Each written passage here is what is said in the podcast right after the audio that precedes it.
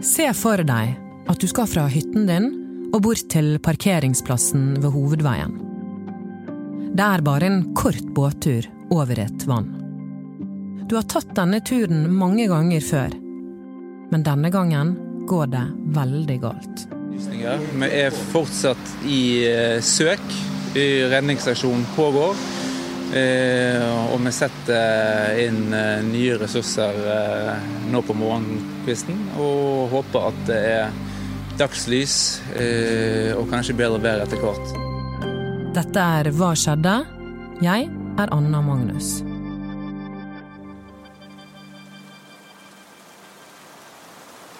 Søndag kveld er det et forferdelig vær på Kvamskogen. Regnet høljer ned, det blåser kraftig, det er mørkt og tåkete.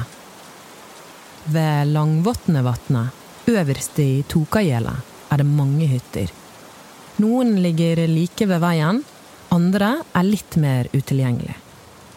For å komme til hyttene på andre siden av vannet kan man gå over en bro.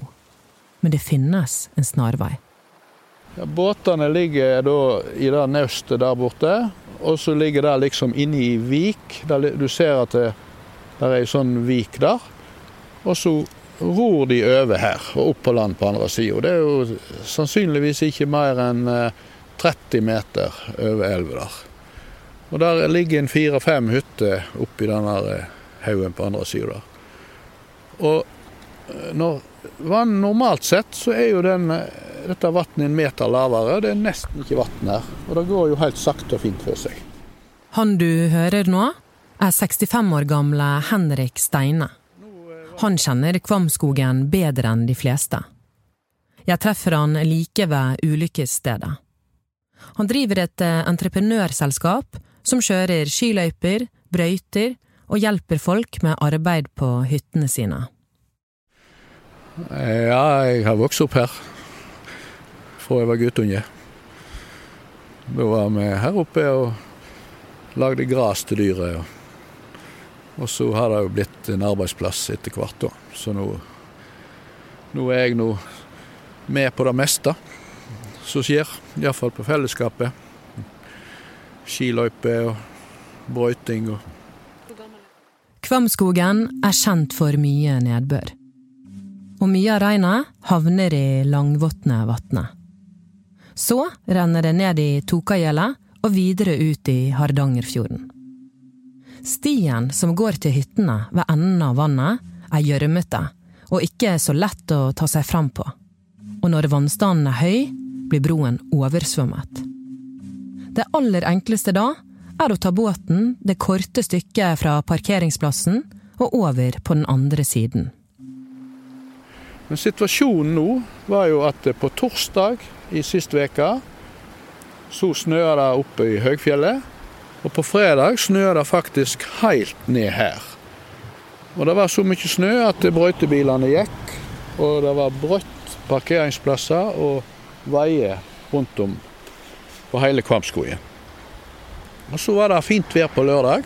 Det var iallfall ikke nedbør. Men så natt til søndag, og hele søndagen, så regna det, og temperaturen steg opp i ti grader. Og vannet øker jo på kraftig pga. regnet. Men i tillegg så smelter jo all den snøen. Du kan se opp til 1000 meter at nå er det bart opp til 1000 meter. Og en eller annen plass må jo det vannet. Og alt det vannet over hele østsida av Kvamskogen skal ned her, forbi her og ut i Tåkagjellet. Ved hyttene er det satt opp en liten platting sånn at det blir lettere å komme i land fra båten. På en stolpe henger en livbøye. For hytteeierne har det vært vanlig å ta båten til og fra, forteller politiet. Et rødt tau er strukket over vannet som en ekstra sikkerhet. Bare et par hundre meter unna går vannet over i en foss som stuper 15 meter ned. Det er helt naturlig at de ror over her. For at her er det ca. 50 meter å ro fra naustet, eller 100 meter da, fra naustet. Men sjøla elva er jo ikke mer enn 30 meter brei. Og hvis du skal ha parkeringsplass her, så er det jo til å ta båten og ro over. Hvis ikke så må du gå iallfall en halvtime. Du må langt inn på land, og så må du tilbake igjen på andre sida. Det er jo sannsynligvis nesten to kilometer, tror jeg. Er det vanlig å ta båten her? Ja, det har de jo alltid gjort. Du ser jo det står et nøst her som sannsynligvis har stått her i 40-50 år, tror jeg. Og når det er lite vann, så er det jo nesten tørt her. altså Du kan jo nesten vasse uti her. Og da er det jo veldig fint å bade inn i disse vikene her, oppover her. Og det er jo ikke strøm heller, for dette vannet går så sakte. Og det er jo, vannet er jo faktisk to kilometer, tre kilometer langt. Men når det er så mye nedbør og så mye snøsmelting, så må jo vannet ut. Og da stiger det opp og får en veldig stor fart og fer over kanten her. I åtte-ni-tiden på kvelden øker regnet på. På sørsiden av vannet bestemmer tre personer seg for å trosse uværet. Kjell Arne Pedersen, Nils Johan Bårdsen og Ruth Vatne fra Askøy legger ut i en båt for å komme seg over til parkeringsplassen. Rett ovenfor fossen er det bygget en demning til et kraftverk. Men demningen er ikke høyere enn at vannet flommer over.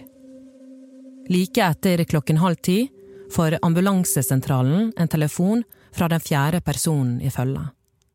Innringeren, som ikke ble med i båten, frykter at de andre er tatt av strømmen og har gått utfor fossen. Det blir starten på en intens redningsaksjon. Hei og velkommen til denne ekstrasendingen om redningsaksjonen som nå pågår i Kvam.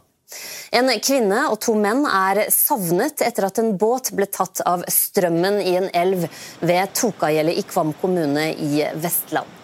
Brannvesenet fikk melding om hendelsen klokken 21.30 i går kveld. En åre er funnet i den flomstore elva. Alle nødetater rykker ut. Mannskapene leter gjennom det ville Tokagjelet. Røde Kors sender mannskaper som er eksperter på fjellredning og elveredning. Etter hvert som været blir bedre, blir det sendt opp en drone for å ta bilder fra luften.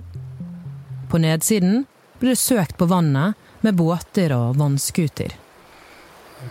Det var mye blålys rundt om alle veier. og lurte jo på hva som hadde skjedd, men når jeg hørte at noen som hadde fått en båt over fossen, så eh, skjønte jeg ganske fort at eh, dette er jo et forferdelig uhell. For da at du kan ikke være observant på hvor enorme mengder med vann som går utover den fossen her.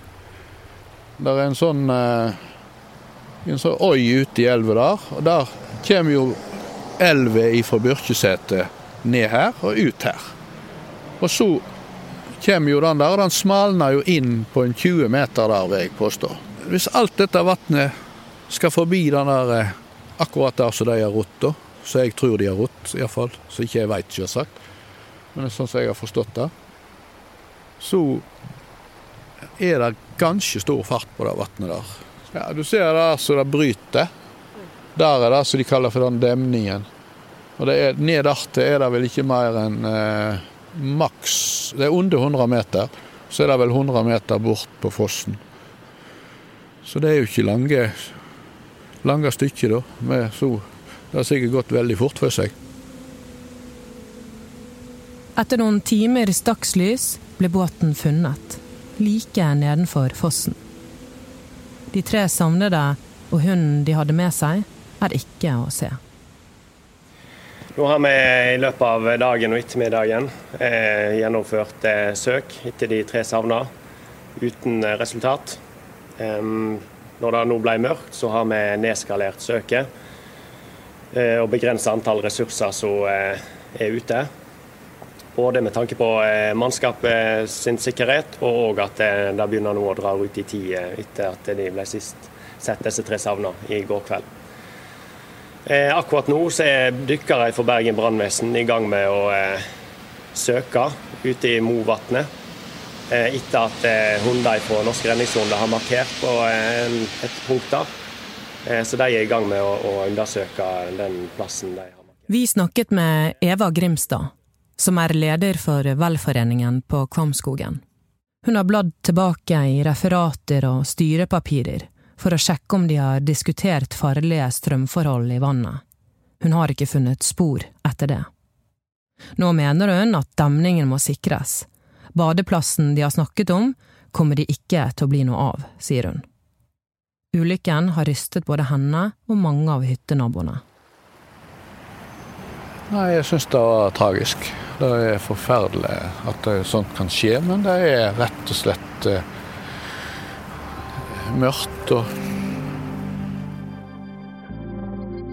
Denne episoden er laget av Rune Christoffersen, Anna Offstad, Arve Stigen og meg, Anna Magnus.